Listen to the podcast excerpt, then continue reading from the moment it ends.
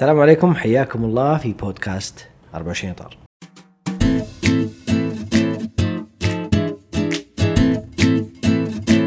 في 24 اطار نساعدك في إنتاج إعلاناتك، أفلامك، محتواك التسويقي المالي. حياكم. في هذه الحلقة محدثكم محمد المطيري وسالم النجار. أهلا وسهلا حياكم الله جميعا. ودي يا سالم في هذه الحلقة نتكلم عن أو نحقق مبدأ الشفافية في آليات العمل. والهدف من تحقيق هذا المبدأ أن يكون عند عملائك تصور واضح على كيف قاعد تنفذ المشاريع اللي اللي هم يفوضونها إليك. وهذا ننصح فيها الجميع يعني جميع القطاعات ننصح بالشفافية في آلية العمل. وبالمناسبة يمكنك ايا كنت تاجر أو قطاع حكومي أنك تحقق هذا المبدأ اللي هو مبدأ الشفافية في آلية العمل.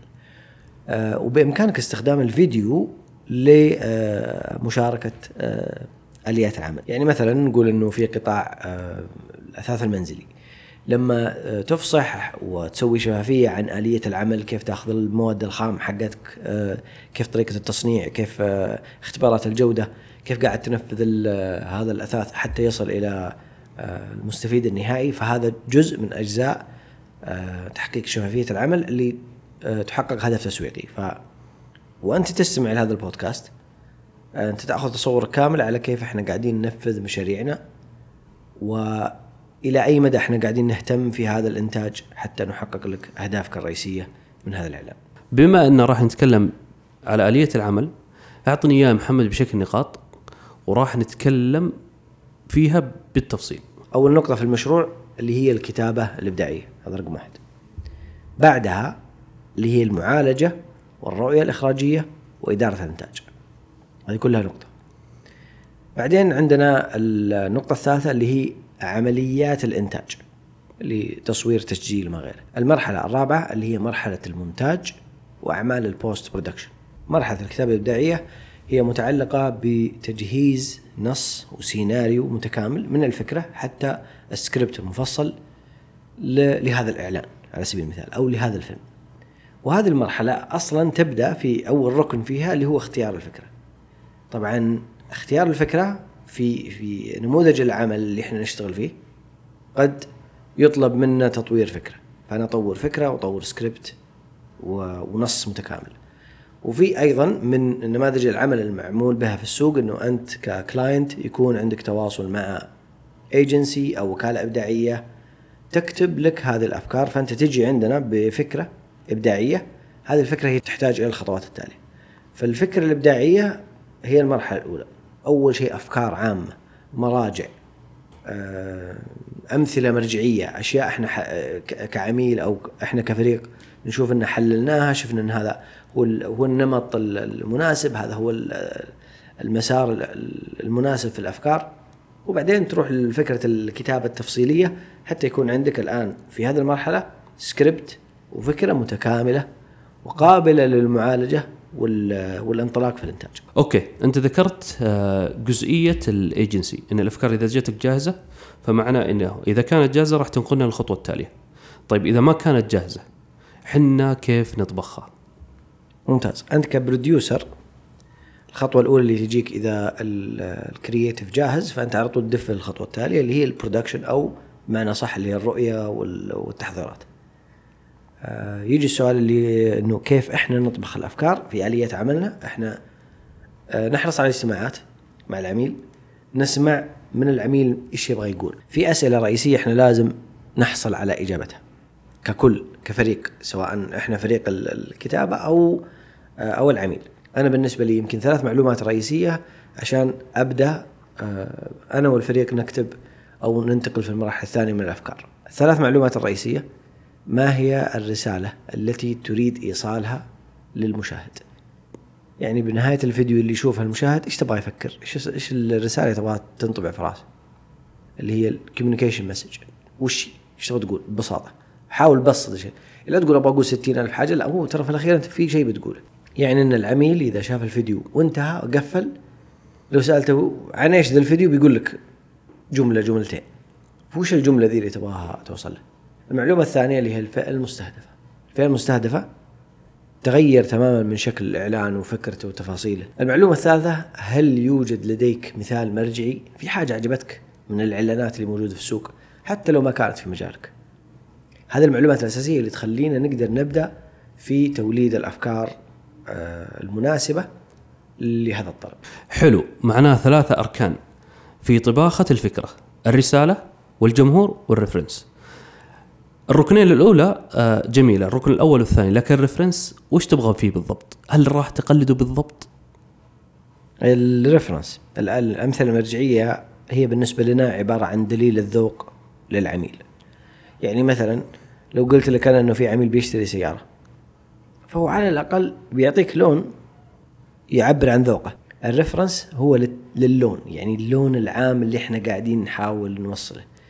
ال vibe سريع بطيء آه، مؤثر معلوماتي آه، له فيه تكنيك معين في التصوير. هذا بالذات هو يدل على ذائقة العميل. طبعا إحنا نقترح أشياء لكن في الأخير تقدر تقترح وتوصل نفس الرسالة وتحقق نفس الأهداف بذائقة مخصصة. يعني في ثيم معين brand image صورة معينة.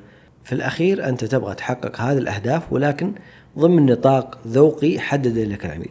طبعا مو بدائما العميل يعطيك هذا الذوق يقول أو يقيدك فيه لا بالعكس ممكن يكون عندك حرية واسعة أنت تختار ويكون هو مستمع جيد ويثق في اختياراتك.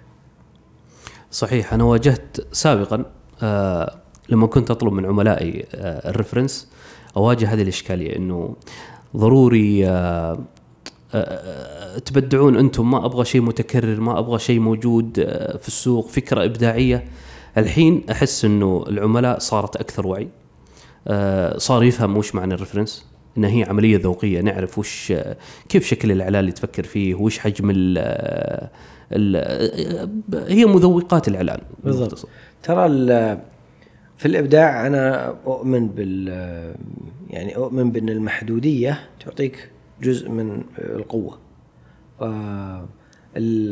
فيما يعتقد البعض إنه يقول لا أنا ما أبغى أحدد أفكارك. لا مو ده مو بصحيح لازم تحدد أفكاري. لأن إذا ما حدد أفكاري كأنك رميتني في بحر أو رميتني في صحراء. لو بس تقول لي في الصحراء هذه إن قدامي كورة حمراء على الأقل بفكر. لكن تحطني في صحراء ما ف ويمكن في بعض الحالات يكون عندي مراجع في بالي أو أشياء فبحسب لكن إذا أنا ك أتكلم عن أنا أو أي شخص في الكتابه الابداعيه في أي مرة هو يطلب يقول عطني مرجع أو أفكار في بالك فاعطه لأنه يحتاجها ل... كأنها إرشاد. طيب آه، يعني هي بالمختصر آه، شبيهة بالتشخيص الطبي. آه، تشخص بعدين تروح عند الدكتور وليس أنت بالدكتور يعني. بالضبط. خلينا ننتقل للخطوة التالية اللي هي البري اللي هو الإعداد والتخطيط. طيب في هذه الخطوة فيه كذا شيء يعني نتكلم عن كذا قسم قاعد يتحرك في نفس الوقت. فقسم الإخراج يهتم بموضوع المعالجة الإخراجية.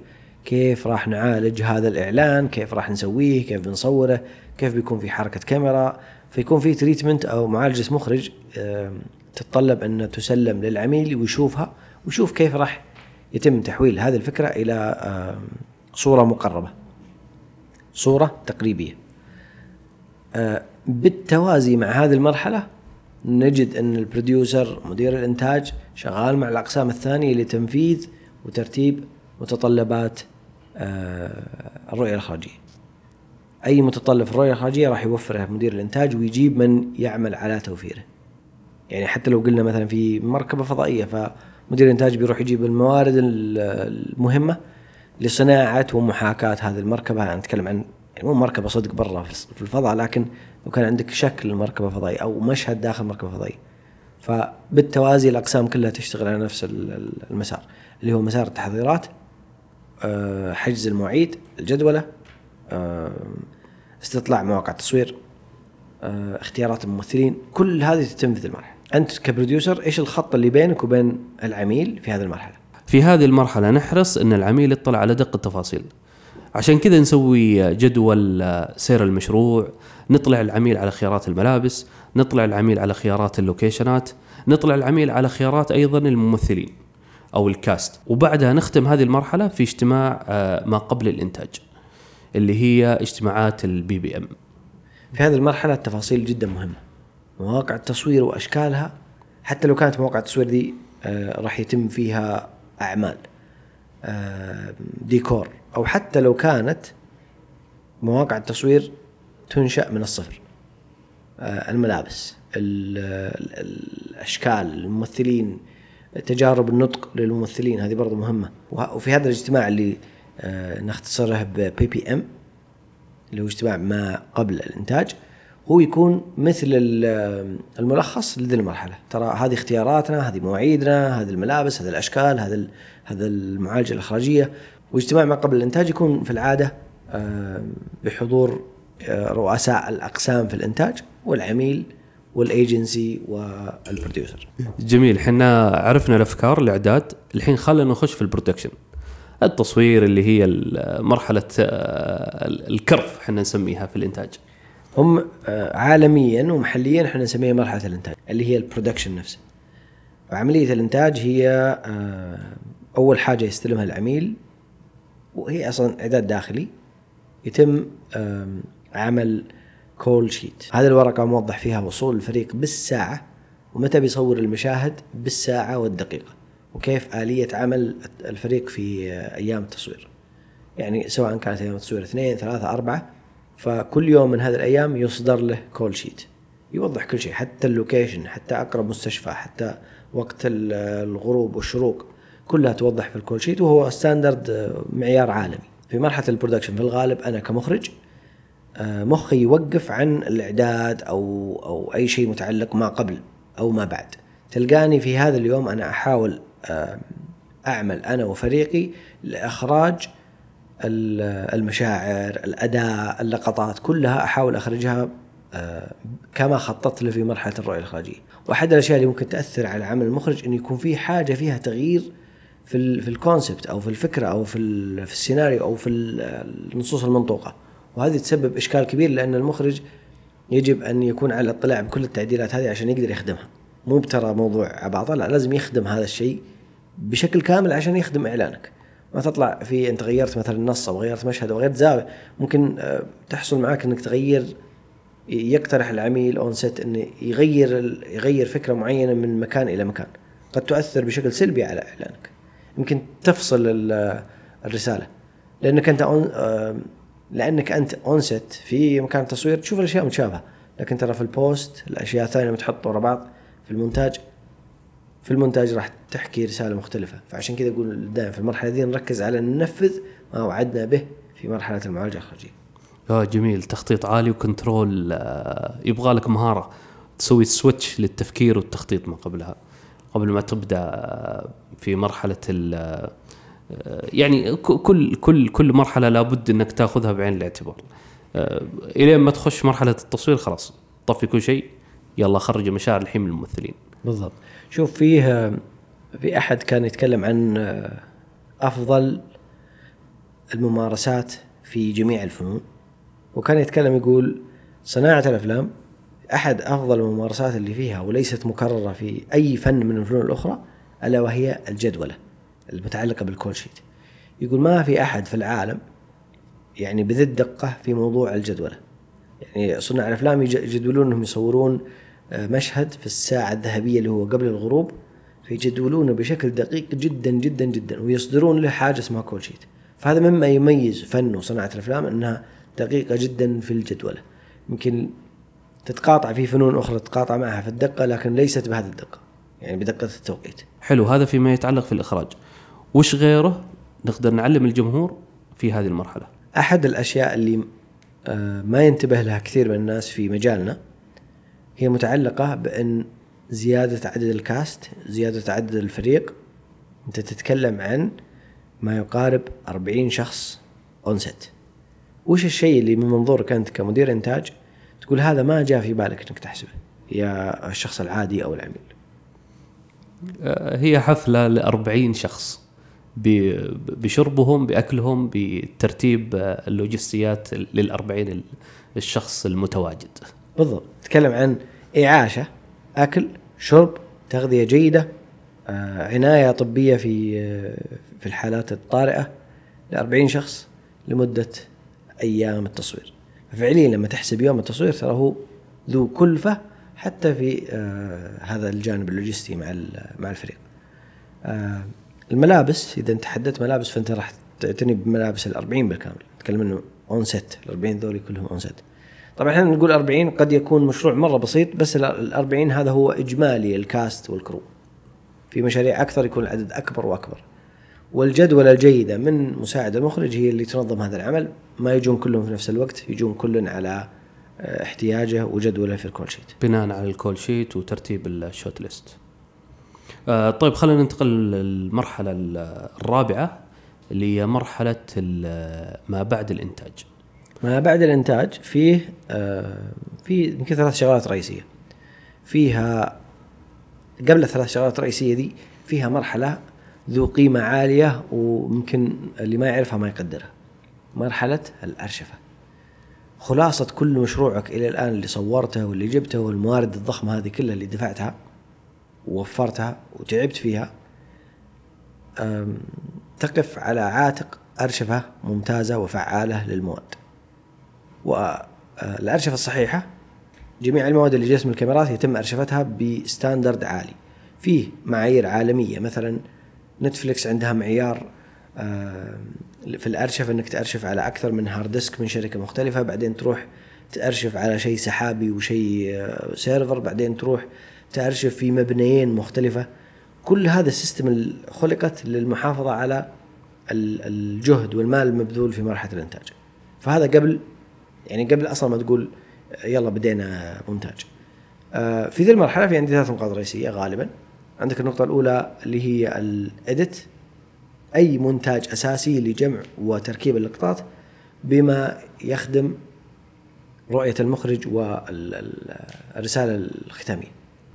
فهذا يسوى هذا كله شغل مونتاج اللي هو ترتيب اللقطات إعادة إعادة ترتيبها تشكيلها البداية والنهاية المدة. كل هذا هو المونتاج الأولي. النقطة الثانية في هذه المرحلة متعلقة بالتصميم الصوتي. كل ما يتعلق بالتصميم الصوتي سواء تحرير وضبط الصوت إعادة تسجيل تسجيل تعليق صوتي إضافة مؤثرات اختيار الموسيقى وعملها آه، موسيقى تصويرية للفيلم آه، اختيار الموسيقى وكل ما يتعلق بها سواء آه، الموسيقى تم تصميمها خصيصا أو استخدام مكتبات أو أي الموسيقى التصويرية والعمل عليها. ويمكن يكون عندك تأليف خاص بالموسيقى التصويرية وقد يكون استخدام مكتبات. آخر جزئية هي متعلقة بالتلوين. وأنا بالنسبة لي إذا وصلنا التلوين معناته إن اجتزنا اجتزنا آه، خلينا نقول حاجة مهمة أنت تسويها ك producer. المرحلة اللي هي مرحلة ال offline. ال offline هي مرحلة آه، ترتيب المشاهد واللقطات اللي تم تصويرها. آه، عشان بس نعرف إن إحنا كويسين وصلنا للمرحلة المتماشية مع مع السيناريو. آه، ونطلع عليها المخرج آه، عفوا ونطلع عليها العميل يطلع عليها. هي غالبا تكون ما قبل التلوين. آه، بس عشان تسلسل المشاهد ويعطينا feedback عليها. عشان كذا بعد ما انت تعطينا ك producer approve على هذه النسخة تبدأ عمليات التلوين. طبعا إحنا بنقول التلوين ترى هو في الغالب يكون تلوين تلوين اللي هو تلوين المشاهد واللقطات اللي هو ال color grading وأيضا آه، التلوين فيما يتعلق بالصوت. يعني ال music النهائية ترى تجي لون من الألوان الصوتية. التلوين غالبا هي ذي الحاجتين الأساسية اللي تتقفل. طيب آه أنا دائما يجيني سؤال عند التسليم. ليش ما تلون وتسلمني إياها مع نسخة ال offline؟ فودي إنه نتكلم بس آه، في تفاصيل هذه المرحلة. بالنسبة لنا في آلية العمل إحنا التلوين يتم على برامج مختلفة آه، وأدوات مختلفة وأجهزة مختلفة عن المونتاج.